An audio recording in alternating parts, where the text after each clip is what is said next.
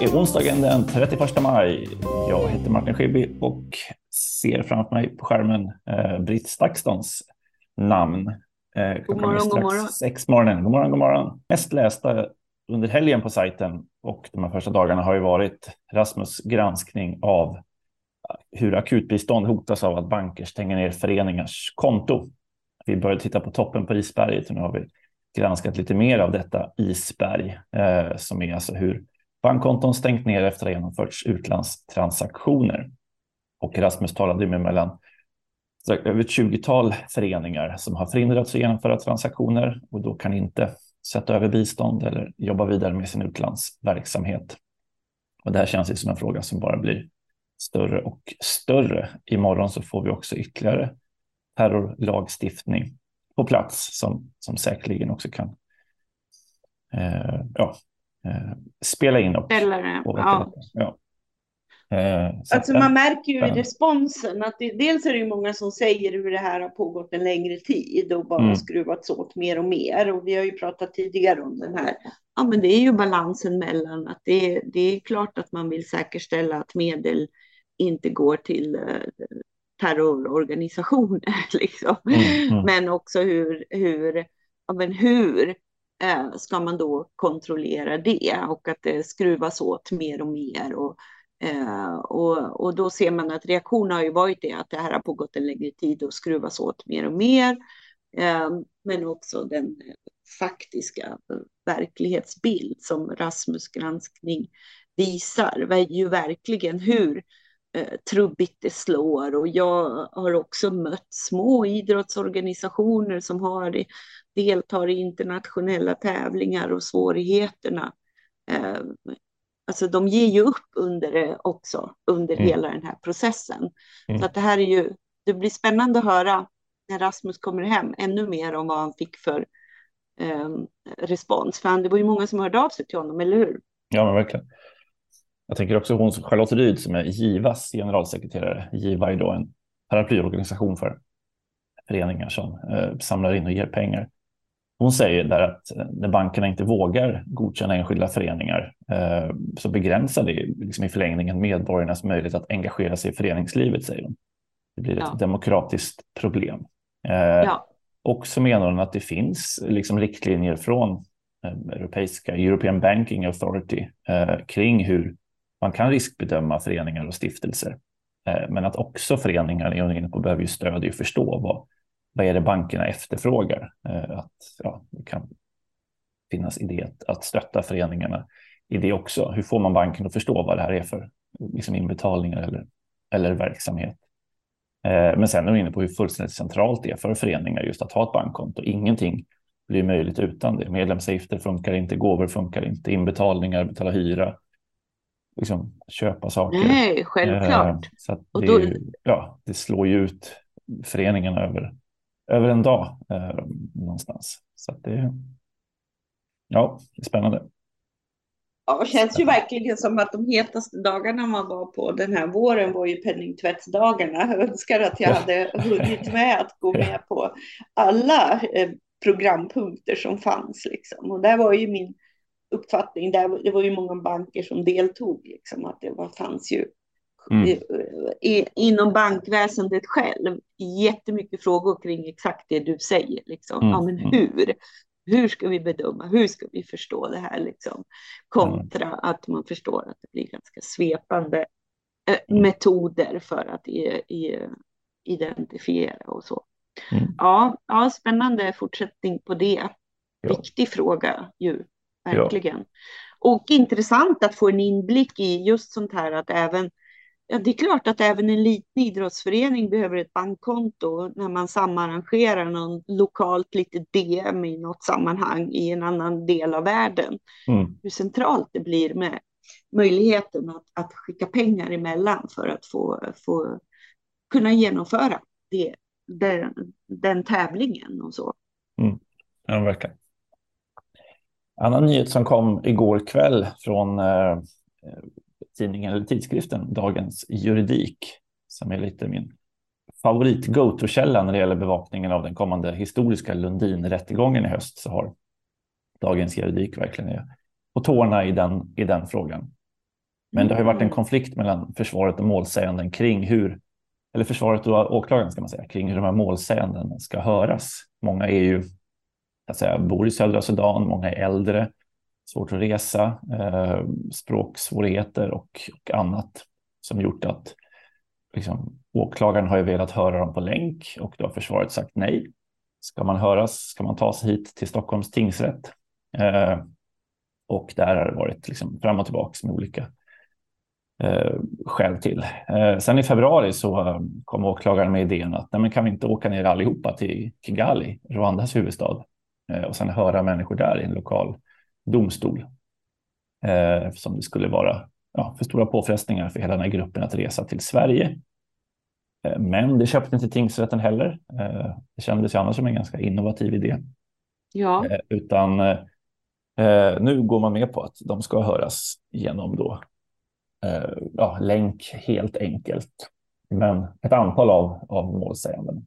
Men 15 av 32 ska finnas på plats i rättssalen i alla fall. Eh, tiotal då ska nu höras, höras via länk.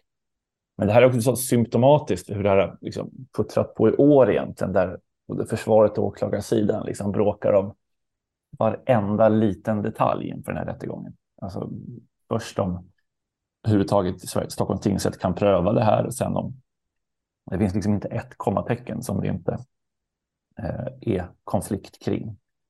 Och ja, det, den här rättegången september sprang på Thomas Bodström cyklade förbi utanför redaktionen här igår.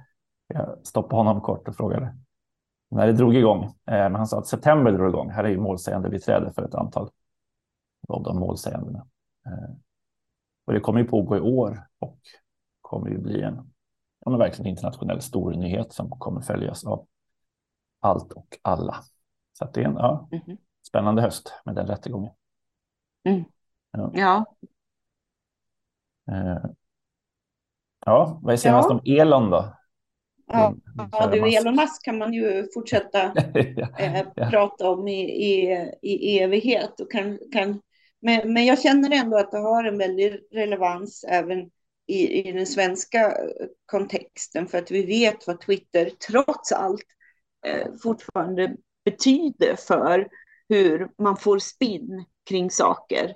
Mm. Um, så vi kan väl landa lite i det. Men det senaste generellt är väl att um, två saker. Det ena är väl att Bloomberg News kom ut med någon nyhet igår som ju visar hur en, ja, det var väl att det är Twitter möjligtvis är värd en, en tredjedel av det han betalade för den. Vi ska se ja. vad rubriken var på den. Eh, ja, 33 procent av vad han köpte den för, av värdet han köpte det för.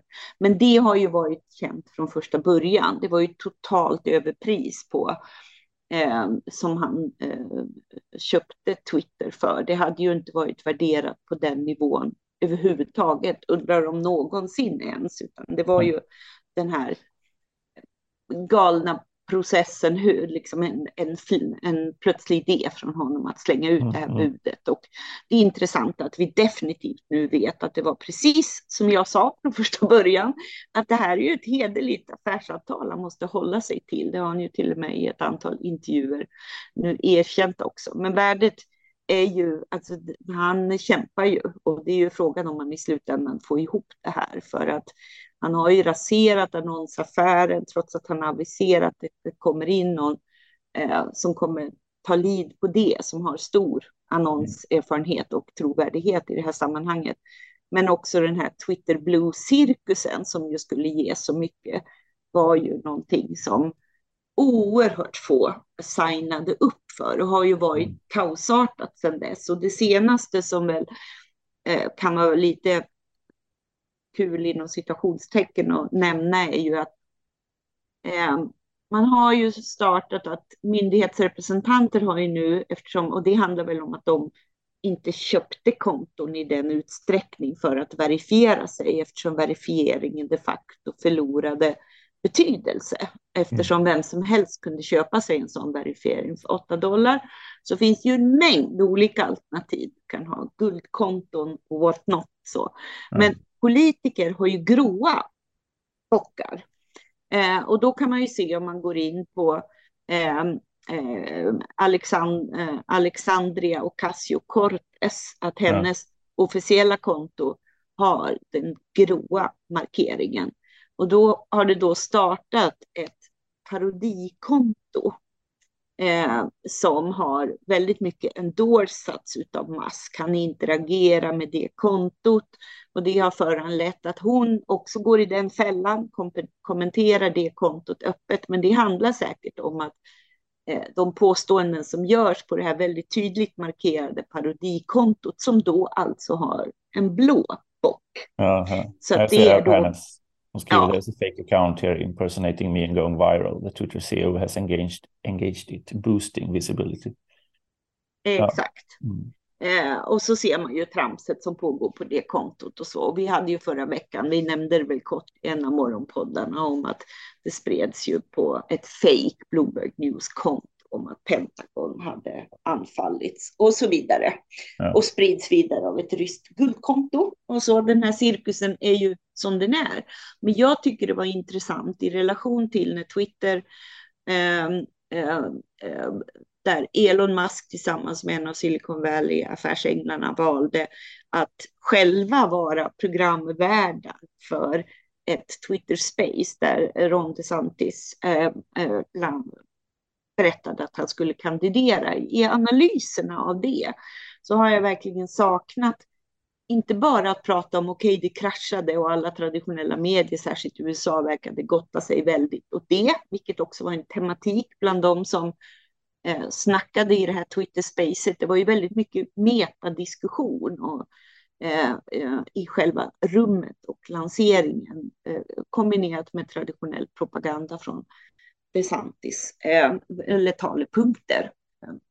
Men eh, att reflektera över den mediemakt som eh, Elon Musk vill använda sig av här. Att jag saknar så he hela den diskussionen kring Twitter. Eller om man tittar på i augusti kommer ju Digital Service Acts. Eh, Eh, den europeiska Digital Service Act som är ju liksom ett antal regler för de stora plattformarna och där är ju Twitter en av de identifierade plattformarna. Det handlar ju om regler för hur de säkerställer att man har en säker och ja, men hur de beter sig. Hur agerar de för att vara säkra och ansvarsfulla? Och inom ramen för det så finns det ju ett Code of Practice on Disinformation. Och det har ju eh, Musk aviserat att han inte verkar ha så stort intresse av att delta. Eh, på det senaste mötet skickade han in en, en de var nästan förvånade att det kom en rapport överhuvudtaget, men det kom in ett litet kort dokument som menade att de här modereringsreglerna och allt annat som ingår i. Man ska ju ha transparens och man ska kunna visa hur, man, hur processen ser ut för att säkerställa mm. användarnas trygghet på olika sätt och vis och att man säkerställer att desinformation inte sprids. Och det är ju rakt motsatt utveckling av vad Twitter har blivit sedan Musks tillträde. Men då refererade han ju till att menar att deras egen lösning med community notes där vi som användare kan gå in och ge våra perspektiv på saker och ting, deras sätt att hantera det. Eh, men det troliga är väl att han att de får någon slags röd flagg för det här och då är frågan om, om Twitter och hur länge det kan vara. Vad, vad blir effekten av det? Blir de blockerade på EU-nivå eller hur, hur ser det då ut? Så det där är intressant att följa. Jag tror att nästa möte kring den här des desinformationsgruppen inom, inom det här är den 5 juni. Mm. Uh, uh, så det är ju en intressant liksom, bricka i det spel som um, Elon Musk driver just nu. Men det ligger ju i linje med att ha kickat ut hela deras Trust and Safety Team och um, i den här brutala nedskärningen av personal också eh, tagit ner den, den, här typen av jätteviktiga nyckelfunktioner. Och att han är genuint verkar ganska, även om man pratar om att plattformen ska agera i enlighet med länders olika lagstiftning, eh, så är ju det här att vilja motverka till spridning av olagligt innehåll eh, eller desinformation eh, verkar ju skötas oerhört godtyckligt och så. Eh, och ja, den här att se hur liksom händelsen, liksom att se den här tiltningen mot höger som liksom alternativ högern i USA. Man, man ser ju mer och mer att han liksom tiltar åt det hållet och att vilja själv vara en sån stor del. Så att en sån här kampanjlansering, det har väl hänt förr på alla plattformar och även på Twitter en gång i tiden.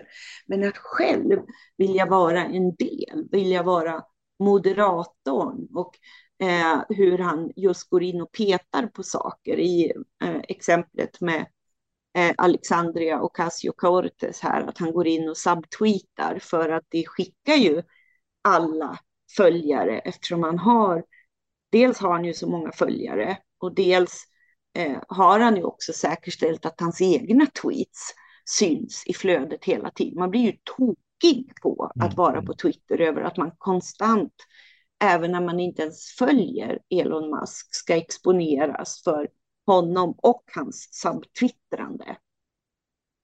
Ja, verkligen. Ja. Har du också noterat det? Du följer honom kanske, eller? Ja, jag följer honom, men eh, han är ju topp, toppar alltid. Så det, absolut.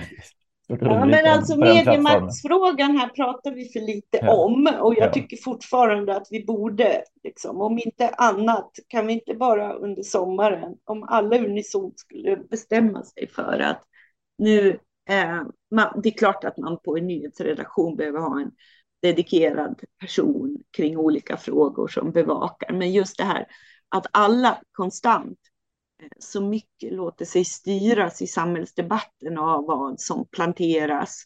Eh, eh, eh det påverkar nyhetsvärderingen fortfarande, ja. fast det förnekar ju alla. Men det ser vi ju dag för dag.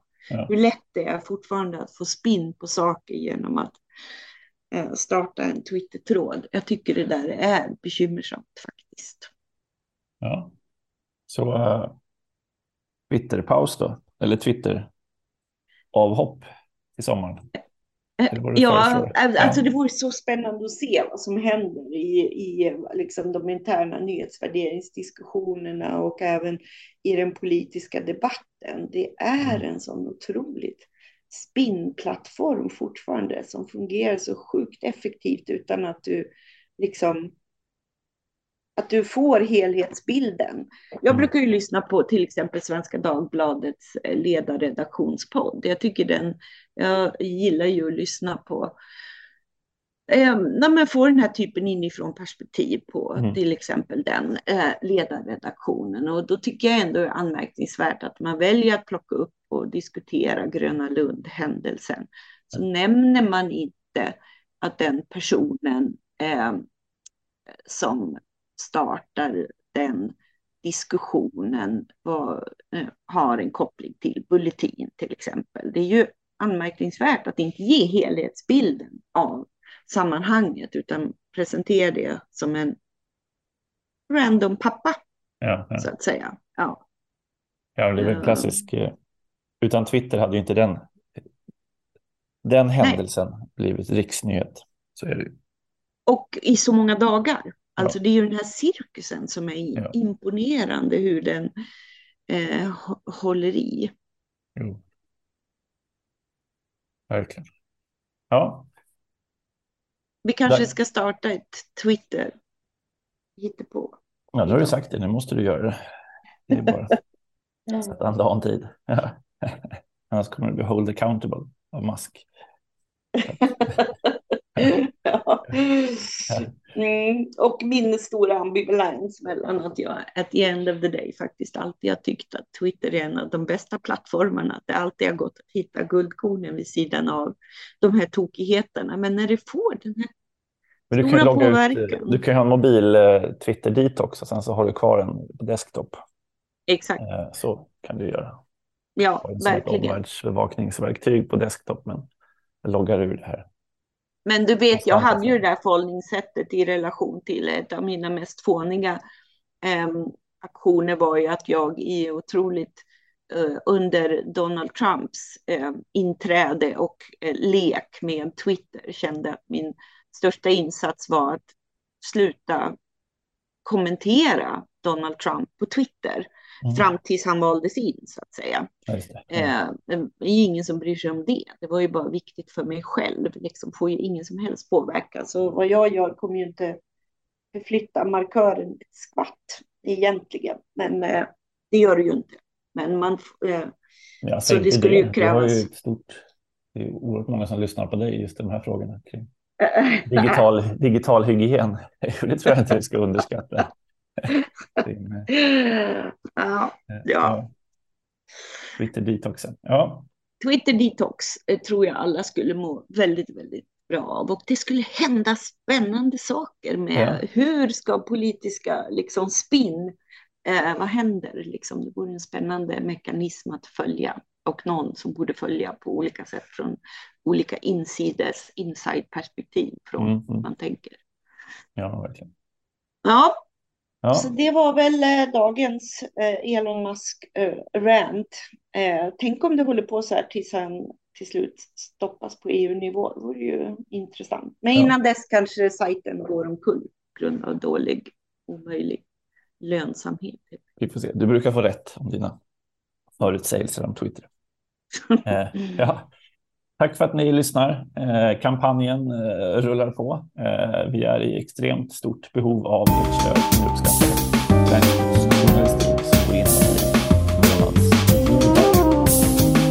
Ja. Och ha en trevlig onsdag så hörs vi strax igen.